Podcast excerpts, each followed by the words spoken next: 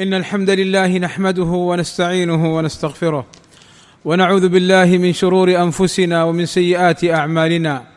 من يهده الله فلا مضل له ومن يضلل فلا هادي له. وأشهد أن لا إله إلا الله وحده لا شريك له. وأشهد أن محمدا عبده ورسوله. ألا وإن أصدق الكلام كلام الله وخير الهدى هدى محمد وشر الأمور محدثاتها. وكل محدثة بدعة وكل بدعة ضلالة وكل ضلالة في النار. أما بعد فاتقوا الله عباد الله وأطيعوا أمره تفلحوا واجتنبوا نهيه تفوزوا. عباد الله أخبرنا نبينا الكريم صلى الله عليه وسلم عن حرص إبليس على إفساد الحياة بين الزوجين حتى تصل لمرحلة الطلاق فعن جابر رضي الله عنه قال قال رسول الله صلى الله عليه وسلم إن إبليس يضع عرشه على البحر ثم يبعث سراياه فأدناهم أي أقربهم فأدناه منه منزلة أعظمهم فتنة. يجيء أحدهم فيقول فعلت كذا وكذا فيقول ما صنعت شيئا. ثم يجيء أحدهم فيقول ما تركته حتى فرقت بينه وبين امرأته قال فيدنيه منه أي فيقربه منه ويلتزمه ويقول نعم أنت أي أنت الذي فعلت الأمر الذي أحبه. فلا تستعجل يا عبد الله بطلاق زوجتك وتفرح الشيطان بل تأنى وتأمل وتفكر وعالج المشكلة بينك وبين زوجك. فالخصام الحاصل بين الزوجين علاجه بعدم التمادي في الكلام وأن يقوم أحدهما بإرضاء الآخر أو أن يخرج من المكان أو أن ينظر إلى أسبابه ويحاول علاجه. ولا تستعجلي أيتها المرأة المسلمة بطلب الطلاق من زوجك لاتفه الأسباب أو أسباب غير موجبة لطلب الطلاق ويمكن حلها وإزالتها أو العيش معها أو مسايرتها. واعلمي يا أمة الله أن طلبك للطلاق بغير سبب شرعي. فيه وعيد شديد. فعن ثوبان رضي الله عنه أن رسول الله صلى الله عليه وسلم قال أيما امرأة سألت زوجها الطلاق من غير ما بأس أي بغير سبب شرعي معتبر فحرام عليها رائحة الجنة. وقال صلى الله عليه وسلم إن المختلعات والمنتزعات هن المنافقات. هذا إذا طلبت الطلاق لأمر مباح مثلا فكيف إذا طلبت الطلاق لأن زوجها لم يسايرها في المحرم فأرادت منه أن يسمح لها بكشف وجهها أو أرادت منه أن يسمح لها بسماع الأغاني والدش والمسلسلات المحرمة فلا شك أن الأمر خطير. واحذر أيها الزوج من التلاعب بالطلاق والاستهزاء به فلو طلقت هازلا مازحا يقع الطلاق. قال صلى الله عليه وسلم ثلاثة جدهن جد وهزلهن جد النكاح والطلاق والرجعة.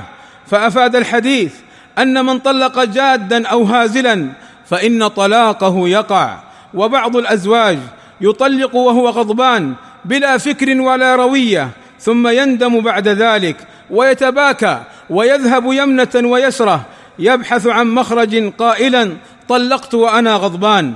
عجيب. من يطلق وهو ضاحك مبتسم؟ فاحذر يا عبد الله ولا توقع نفسك في الحرج والضيق وقد جعل الله لك مخرجا بالطرق الشرعية. واحذر أيها المسلم العاقل أن تجعل الطلاق على لسانك جاريا فبعض الأزواج يتهدد زوجته بالطلاق حتى يصير سماع الطلاق عند الزوجة أمرا عاديا لا أثر له. فهذا من الأمور التي يقع فيها بعض الناس مخالفين الهدي الشرعي في ذلك. واعلم أيها الزوج أن الطلاق الشرعي هو أن يطلق الرجل زوجته في طهر لم يجامعها فيه أو يطلقها وهي حامل طلقة واحدة. هذا هو الطلاق الشرعي أن يطلق الرجل زوجته في طهر يعني بعد الانتهاء من الحيض أو النفاس لم يجامعها فيه أي أنها لا زالت في طهرها ولم يجامعها في هذا الطهر أو يطلقها وهي حامل. طلقة واحدة لا طلقتين أو ثلاثا في مجلس واحد. قال الله تعالى يا أيها النبي إذا طلقتم النساء فطلقوهن لعدتهن وأحصوا العدة. ولما طلق ابن عمر رضي الله عنهما زوجته وهي حائض. قال النبي صلى الله عليه وسلم مره فليراجعها ثم ليمسكها حتى تطهر ثم تحيض ثم تطهر ثم إن شاء أمسك بعد ذلك وإن شاء طلق قبل أن يمس أي قبل أن يجامع.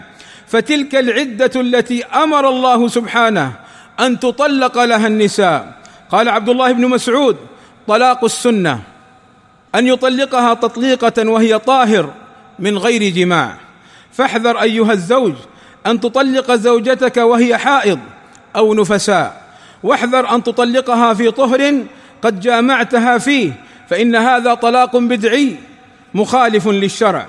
واحذر أن تطلق أكثر من طلقة. فعن مجاهد قال كنت عند ابن عباس رضي الله عنهما فجاء رجل فقال إنه طلق امرأته ثلاثا يعني في مجلس واحد. قال فسكت حتى ظننت أنه رادها إليه.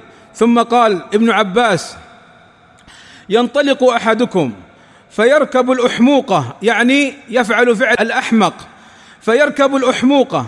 ثم يقول يا ابن عباس يا ابن عباس إن الله قال ومن يتق الله يجعل له مخرجا وإنك لم تتق الله. فلم أجد لك مخرجا. عصيت ربك وبانت منك امرأتك. وإن الله قال يا أيها النبي إذا طلقتم النساء فطلقوهن في عدتهن أي في قبل عدتهن. والله أسأل لي ولكم التوفيق والسداد في الدارين وأن يغفر لنا الذنوب والزلات. إنه غفور مجيب الدعاء. الحمد لله وكفى والصلاة والسلام على نبينا المصطفى. وعلى آله وصحبه أولي النهى. أما بعد فلو طلق الزوج زوجته طلقة أو طلقتين فليس له أن يخرجها من بيتها لأنها زوجة ولأن الله أمر بإبقائها في البيت زمن العدة.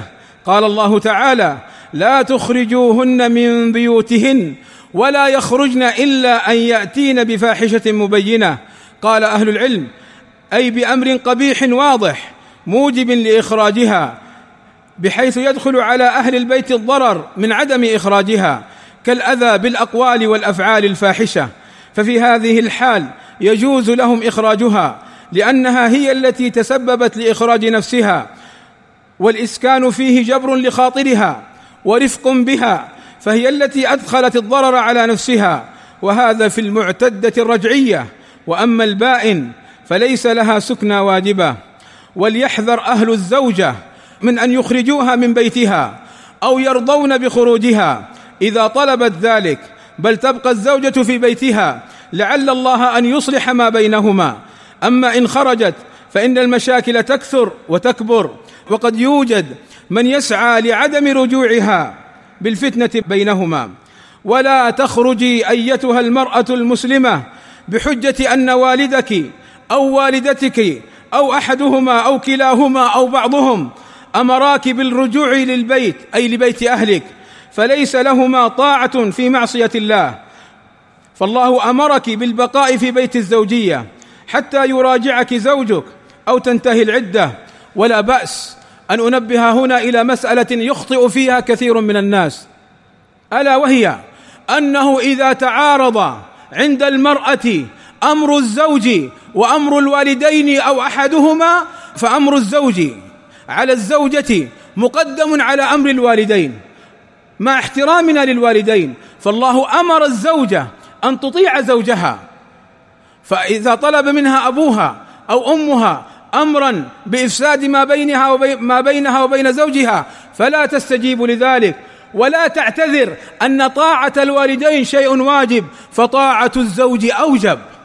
فاحذروا يا عباد الله ولتحذر المرأة من هذا أو من هذه الشبهة الشيطانية التي أفسد على كثير من البيوت من بيوت المسلمين بيوتهم. فالزوج إذا رأى زوجته لم تسمع كلامه وخرجت لأمر والديها عافتها نفسه. ولذلك أنت أيها الأب وأنت أيتها الأم احذري أن تعيني ابنتك على معصية زوجها. بل أرغمانها على الرجوع للبيت وأرغمانها لتستمر حياتها. ما الذي تستفيده أيها الأب حينما ترجع ابنتك إليك مطلقة وتموت وهي مطلقة؟ أخوانها لا يرضونها زوجات أخوانها يرفضونها خيلانها عمانها لا يرضونها. ابقها في بيت زوجها أستر لها وأكرم لها وإرضاء لله عز وجل. فلنحذر من هذا المسلك الشيطاني الخطير الذي فرق كثيرا من بيوت المسلمين. ولو طلق الزوج زوجته الطلقة الأولى أو الثانية ثم أراد أن يراجعها في العدة فله ذلك وعليه أن يشهد على الطلاق وعلى الإرجاع. فعن عمران بن حسين أنه سئل عن الرجل يطلق امرأته ثم يقع بها يعني يراجعها بالجماع ولم يشهد على طلاقها ولا على رجعتها. فقال عمران طلقت لغير سنة وروجعت لغير سنة أشهد على طلاقها وعلى رجعها وعلى رجعتها ولا تعد. عباد الله الواجب على الأولياء أن يتعلموا شرع الله في هذه المسائل وأن يعملوا بها وأن يعلموها أبناءهم وبناتهم قبل أن يزوجوهم لكي لا تكثر حالات الطلاق ولا تستمر المشاكل بين الزوجين. اللهم آتنا في الدنيا حسنة وفي الآخرة حسنة وقنا عذاب النار. اللهم اصلح أحوالنا وأبناءنا وبناتنا وأهالينا ووفقهم لكل خير. اللهم وفقنا لما تحبه وترضاه عنا وأعنا على شكرك وذكرك وحسن عبادتك. اللهم وفق ولي أمرنا لما تحبه وترضاه وأعنه على إصلاح العباد والبلاد وصلى الله وسلم على نبينا محمد وعلى آله وصحبه أجمعين. والحمد لله رب العالمين.